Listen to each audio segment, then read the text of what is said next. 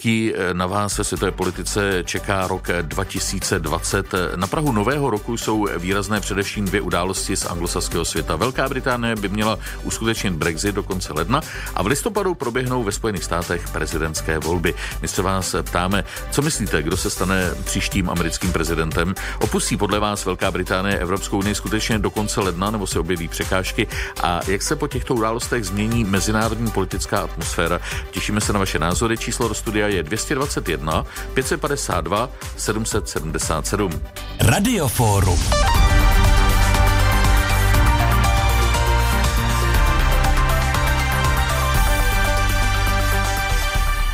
Hostem ve studiu je Petr Boháček, analytik výzkumného centra Asociace pro mezinárodní otázky a šéf-redaktor serveru Evropský bezpečnostní žurnál. Dobrý den. Dobrý den. Eh, tak jak to vidíte, vy, budou to ty dvě události, které jsem v počátku eh, vypíchl, které budou udávat eh, tón v tomto roce? Tak v tom anglosaském světě určitě uh, otázka je, jestli Brexit opravdu bude událostí roku 2020, anebo jestli se protáhne přes ten uh, rok 2021, nebo možná hmm. potenciálně až někdy dále, ale myslím, že ty americké volby jsou vlastně i celosvětově tím jedním z největších událostí. A propo Brexit, eh, Boris Johnson odmítl, že by se mohlo cokoliv prodlužovat, tak eh, určitě to má být do konce ledna, potom to eh, přechodné období do konce roku. Dá se za 11 měsíců vyjednat všechno, co je potřeba? Nebude se opravdu prodlužovat? No tak byla by to opravdu unikátní událost, kdyby to stihnul za těch 11 měsíců.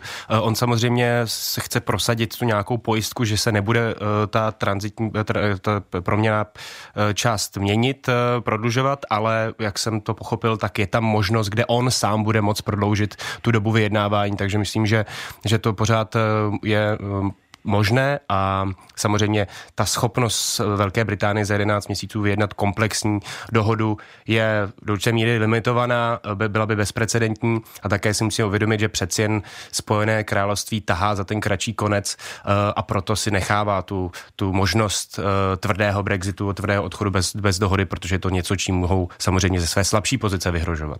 A co myslíte, kdo má šanci stát se příštím americkým prezidentem? Eh, tak já bych radši eh, nechtěl předpovídat, kdo by to měl být. Eh, před to předchozí volební období se mi to nepodařilo úplně přesně, ale myslím, že je to velmi vyrovnané, ale na základě toho, jakým způsobem Donald Trump dokáže ovládat média, diktovat ten diskurs, jakým způsobem je schopný ovlivnit a zaujmout ty masy, které o tom budou rozhodovat, což je de facto menšina ve Spojených státech, jakou má pozici například v rámci celého toho volebního systému, jakým způsobem jsou schopny ty pravicové republikánské, eh, eh, republikánská strana využívat finance a jejich injekce do toho politického procesu. Myslím, že to jsou velké zbraně, které mohou věštit to, že Donald Trump bude znovu zvolen. Je na obzoru nějaký kandidát, který by mohl přece jenom ohrozit? Tak myslím, že se bavíme hlavně o dvou demokratických kandidátech. Joe Biden, bývalý viceprezident s Barack Obamy, to je ten středový kandidát, typický, můžeme ho nazvat Hillary Clinton číslo dvě. A pak je tady ten radikálnější Bernie Sanders, samozřejmě stejně jako v tom předchozím období.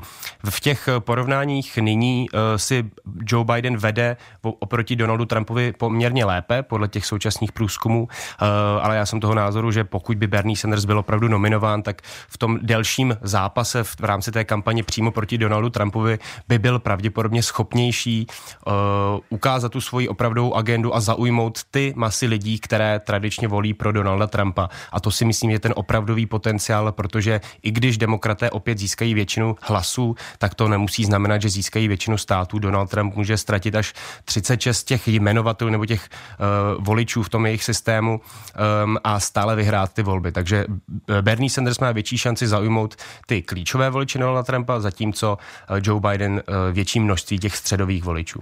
Loni v listopadu hlásil svou kandidaturu Michael Bloomberg, bývalý úspěšný starosta New Yorku, milionář, filantrop. Jak silný konkurent pro Trumpa by mohl být?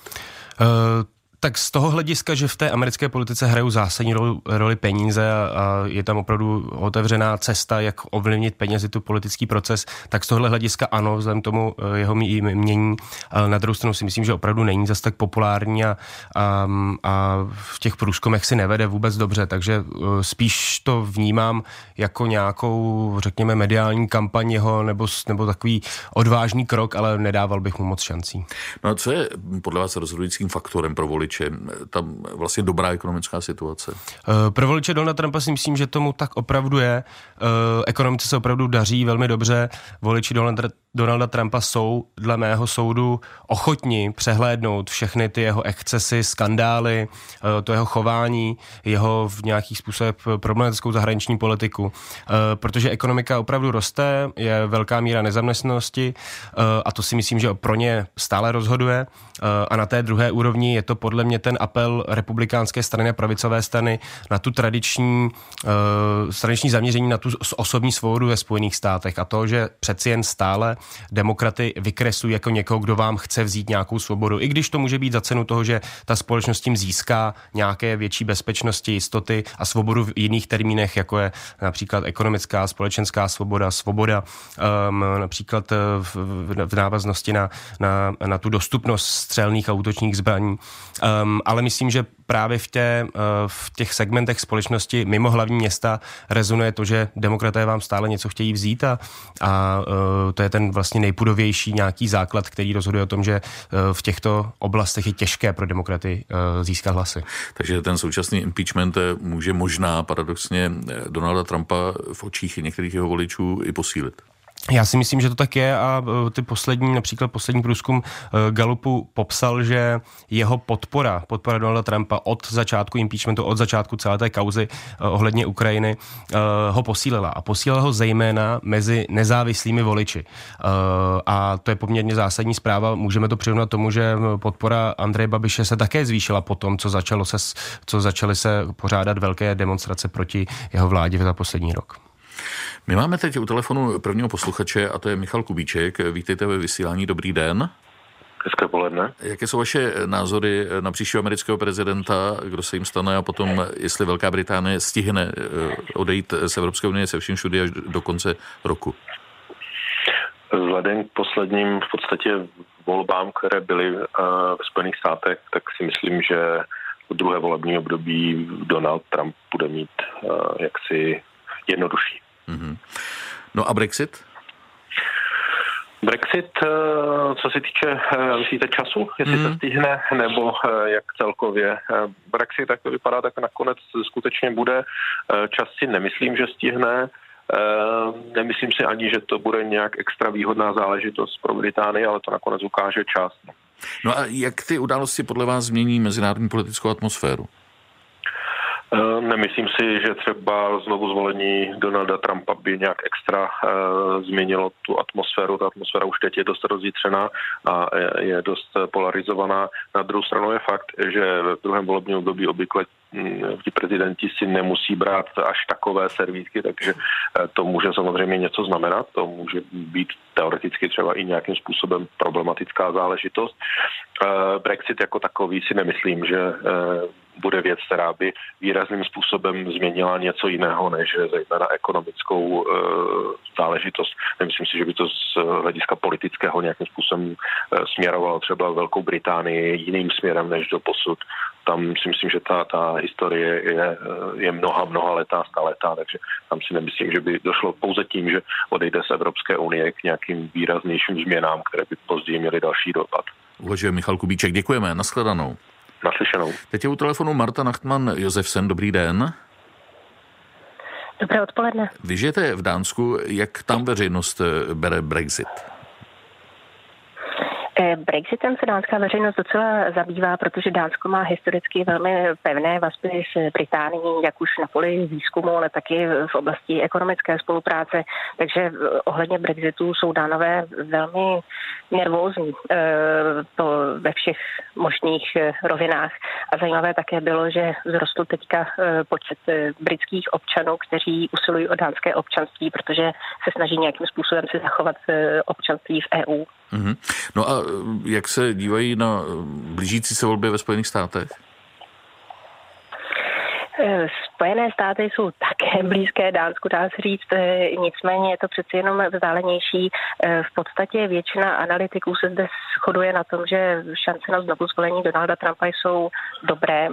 Snaží se hodně vysvětlit právě tu situaci od veřejného mínění ve Spojených státech a to, že vlastně Donalda Trumpa může ten impeachment, který zřejmě nedopadne jeho odvoláním, eh, fungovat jako posila jeho síly, protože on se velmi dobře umí stavit do role oběti a zároveň hrdiny, který navzdory všem eh, ošklivým a zlým eh, trolům se drží a, a bojuje za tu dobrou Ameriku a on tím získává podporu docela hodně voličů.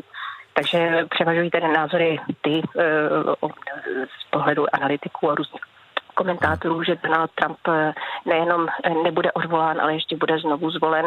Eh, otázka je potom, co on udělá v tom dalším období, protože už se ukázalo teďka, že funguje tak trochu jako neřízená střela a je otázka, jak se bude chovat v situaci, kdy v podstatě může myslet po mně potopa. A je otázka, jak ostatní demokratické složky mu v tom budou bránit.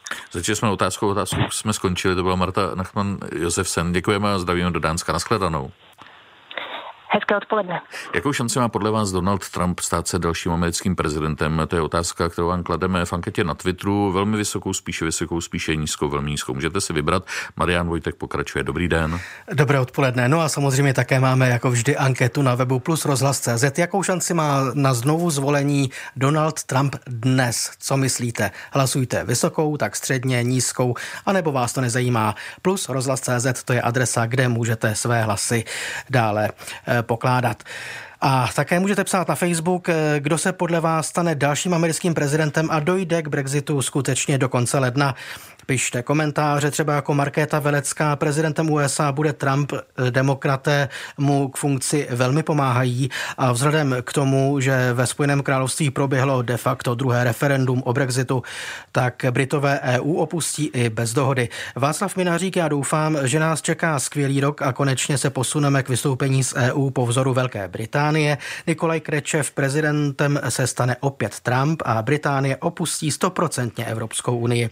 Pavel Stable napsal tento komentář. Kdo bude příštím americkým prezidentem je zatím hádankou, ale není pochyb, že tentokrát vystoupí Spojené království z Evropské unie v dohodnutém termínu, neboť byla schválena nezbytná legislativa a dohodnutému harmonogramu už nic nebrání. Jak EU, tak Británie se chtějí posunout do další fáze vyjednávání o dalších politických, bezpečnostních a obchodních vztazích. David Prošvic napsal jednu větu, další americký prezident bude demokrat. Brigita Ptáčková Trumpa zvolí znovu. Demokrati nejsou schopni se domluvit na odpovídajícím protikandidátovi a Trump se snaží být méně kontroverzní. Brexit je snad už vyřešený. Těžko říct, jestli bude skotské referendum příští rok nebo až ten další a co na to Irové. Radomír Hvoznica odpovídá na otázku, jestli v lednu bude Brexit citací a to od Homera Simpsona. Do konce ledna kterého století? No a Zdeněk Blecha nám napsal a je ve hvězdách, zdá Česká republika doopraví D1. Zatelefonujte nám svůj názor. 221 552 777. Přijímá linka do Radiofóra. 221 552 777. Hostem je Petr Boháček, analytik výzkumného centra Asociace pro mezinárodní otázky, šéf-redaktor serveru Evropský bezpečnostní žurnál. Má nás vůbec zajímat, kdo bude příštím americkým prezidentem? Je to pro nás důležité, nakolik to ovlivní americkou zahraniční politiku? Myslím, že to je zásadní otázka. Eh, jsou trendy v americké zahraniční politice, které eh, jsou eh, trošičku víc konzistentní a nebudou tak definované tím prezidentem, jako je například to, že podle mě Amerika ustupuje z té role světového policisty, jasné světové velmoci, ve smyslu, že si na ní někdo netroufne a netroufne proti ní tlačit, to už se mění. A pak jsou věci, jakým způsobem se ta americká administrativa s těmito trendy vypořádá, vypořádává. Donald Trump Eh, odchází od jednoho dlouhodobého principu americké zahraniční politiky a to je intenzivní spolupráce s partnery a uh, zajištění toho, že americké zájmy a zájmy jejich partnerů jsou do určité míry v, souladu a jsou koordinovány a, a tím získává Amerika tu mezinárodní uh, alianci partnerů, se kterým může počítat a proto je ten její hlas větší. Donald Trump často se k partnerům chová hůře než ke svým nepřátelům a to si myslím, že je velká změna a také role a také myslím, že jinak přistupuje k mezinárodním organizacím než ta předchozí administrativa, i když, eh, což samozřejmě bude eh, velk, velkou dramatickou změnou, protože pro Evropu je multilateralismus, mezinárodní organizace vlastně existenční hodnotou um, a pro Českou republiku jako malou zemi, středně velkou zemi, je to také samozřejmě naprosto zásadní. Um, a bez Spojených států jako aktivního aktéra v těch mezinárodních organizacích uh, tam otvírá samozřejmě dveře pro například Čínu, která začíná se pasovat do té role ochránce multilateralismu, ale samozřejmě se svým uh, čínským přívlastkem, řekněme. A musíme se ptát, jestli tohle je opravdu v našem zájmu. Uh, takže myslím si, že se bude rozhodovat o tom, jakým způsobem se redefinuje pozice Spojených států na mezinárodním poli, jestli teda tím čistým unilateralismem a izolacionalismem, který byl tradiční pro tu americkou zahraniční politiku v v, před, v těch prvních 200 letech, anebo jestli bude pořád se zasazovat o ochranu těch mezinárodních institucí eh, a posilovat tu svoji roli a roli západu. Říká Petr Boháček, připomínám číslo do studia 221 552 777. Ptáme se vás mimo jiné, co si myslíte, že bude určovat zahraniční dění v letošním roce 2020, do jaké míry to budou americké prezidentské volby a do jaké míry Brexit. Když se vracíme právě k vystoupení eh, Velké Británie z Evropské unie, eh, jak to poznamená soudržnost Spojeného království do budoucna? Co třeba eh, snahy udělat nové referendum o setrvání Schotska v rámci Velké Británie? Británie. Tak samozřejmě to si myslím, že bude jeden z těch největších politických dopadů a nejedná, nejedná se samozřejmě jenom o Skotsko, ale jedná se i o Irsko, protože ta současná dohoda zanechává uh, vlastně ten jednotný trh a celní unii, uh, Evropskou celní unii na území Severního Irska um, a, a ten, toto nastavení bude se potom schvalovat tím severoirským parlamentem, kde roste uh, vliv a většina těch zemí, které jsou pro Evropskou unii, které jsou proti té, tomu spojenectví nebo proti soudržnosti uh, Velké Británie. Um, a to si myslím bude mít zásadní efekt, zásadní vliv na to, jakým způsobem um, se Velká Británie jako takové, jako Spojené království jako takové udrží. A uh, tomu se také váže otázka, jestli by Evropská unie byla schopná přijmout například Skotsko nebo Severní Irsko uh, k sobě. Um, a tam se také může vnímat, že se ta situace do určité míry mění, například postavení Evropské unie vůči Kosovu se mění i přesto, že eh, je uh, vysoký představitel pro unijní zahraniční politiku Španěl a Španělsko tradičně je v opozici. Takže myslím, že tohle co bude zásadní otázka. Ještě možná dodám k těm politickým dopadům Brexitu. Um, myslím, že to bude mít velký dopad na to, jak bude fungovat vnitřně Evropská unie a jestli odchod Británie jako jedné z, té největší unijní trojky mezi Berlínem, Paříží a Londýnem, jestli posílí víc Paříž nebo jestli posílí více, více Berlín. A tohle bude samozřejmě určovat, jak se dále bude vyvíjet unijní politika, uh, jakým směrem a uh, to je podle mě jeden z těch nejzásadnějších dopadů. Připomínám telefonní číslo do studia do Radiofora 221 552 777, abychom neredukovali ty očekávané události v zahraničí jenom na dvě události, eh, prezidentské volby a Brexit. Co vy vidíte jako klíčové pro letošní rok? Měli bychom připomínat konflikt na Ukrajině, Ukrajině, v Sýrii, otázku Číny, Ruska a tak dále, čili toho světového dění. Bude to asi dobrodružný rok každopádně. Určitě. Eh, já myslím, že bude velice zajímavé, jakým způsobem eh, bude probíhat ten vztah Číny a Spojených států, eh, jakým způsobem budou schopni se domluvit na mezinárodní nějaké jako smlouvě v rámci jejich obchodu, protože to si myslím, že je jedna z těch největších hrozeb ten narůstající protekcionismus a oslabení této, toho, toho největšího vlastně ekonomického motoru světového, které by mělo dopad nejenom na rozvojové země, ale samozřejmě i na Evropu, tak to si myslím bude zásadní otázkou.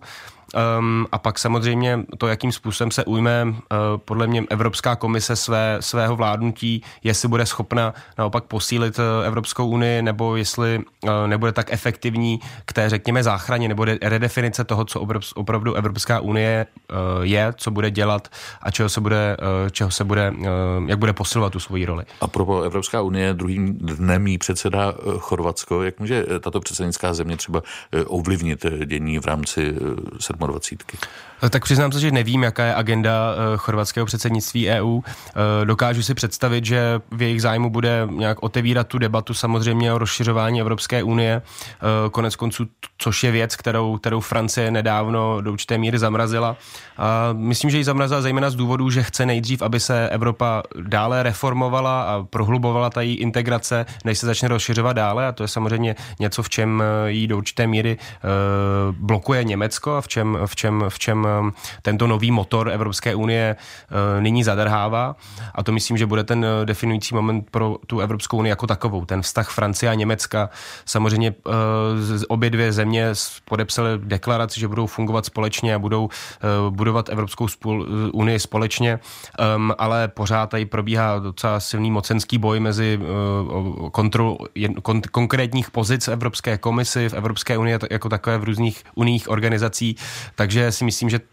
to, jakým způsobem se tento, tento vztah bude redefinovat, eh, bude taky rozhodující a eh, napoví nám, jak Evropská unie bude úspěšná. Když nahlédneme za Humna, eh, včera jsme se dozvěděli, že Sebastian Kurz se svými svobodnými, pardon, lidovci se domluvil se, se zelenými na koalici. Je to možná pro nás změna v tom smyslu, že přece jenom zelení dost tlačí na to, aby okolní země upustili od jaderné energetiky. Může to poznamenat vztahy mezi Prahou a Vídní? Eh, pardon, mezi Prahou, Prahou a Vídní. Um, to samozřejmě, myslím, že ten vztah nikdy nebyl v této otázce úplně pozitivní a na druhou stranu si nemyslím, že by eh, Rakousko bylo schopné nějakým způsobem to, jako, tu páteřní roli jader, jaderné energetiky v té, v té české energetické koncepci uh, omezit nebo ohrozit nebo změnit. Um, ale uh, myslím si, že to je vlastně trend, který bude se rozšiřovat do dalších zemí, že ty, ta strana zelených a další uh, podobné strany se budou dostávat k tomu vládnutí. Uh, můžeme se ptát, jestli to bude model, který se promítne například do budoucna v Německu, kde strana zelených uh, společně s konzervativními křesťany, křesťanskou konzervativní stranou jsou ty dvě největší strany. A vzhledem k tomu, že například Pirátská strana je v součástí té frakce zelených, tak je otázka, jestli je takovýhle model například i kopír kopírovatelný do českého kontextu, nebo ne? Máme u telefonu Evu Budzákovou. Vítejte v Radioforu. Dobrý den. Dobrý den. My vás posloucháme. Jaký máte názor na e, politické dění v roce 2020 v zahraničí? No tož politické dění většinou, jaké bude, myslíte, jo? Ano. Tak věřme, že věřme, že bude lépe. Statisticky se to tak konstatovalo podle tisíce lidí, to říkám s jemnou ironií, to prostě nikdo nevíme, protože kdo jsem já, kdo může rozhodnout, jak to bude. Dobře, a co to bude ovlivňovat podle, podle vás eh, v tom letošním roce? Co, co bude eh, hlavný, hlavním faktorem právě toho, co se bude dít v zahraničí? No, věřme, že chci věřit, že zdravý rozum. Mm-hmm. Všem tomu chci věřit. A pokud je o Brexit, tak já si pamatuju z raného svého dětství, což bylo takové nějaké ty 60. roky, že se mluvilo o vstupu Velké Británie do Evropského společenství, jak se tomu to u nás říkalo. Prostě oni, oni dlouho váhali, než tam vůbec vstoupí, tak teď asi chtějí honem vystoupit. Já nejsem na to takový odborník, hmm. abych Dobře. Ale Každopádně děkujeme paní Bucákové, jste zavolala. Já také děkuji za trpělivost. Nashledanou. A já se obracím na Mariana Vojtka, editora sociálních sítí Českého rozhlasu Plus. Jak to dopadlo na Twitteru s naší anketou? Anketa na Twitteru skončila. Jakou šanci má podle vás Donald Trump stát se dalším americkým prezidentem? Vyhrála možnost spíše vysokou.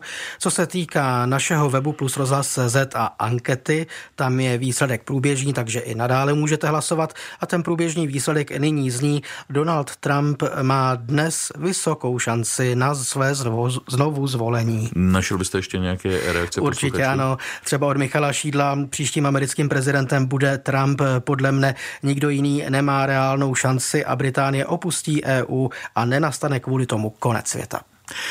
Hostem dnešního radiofora ve studiu je Petr Boháček, analytik výzkumného centra Asociace pro mezinárodní otázky.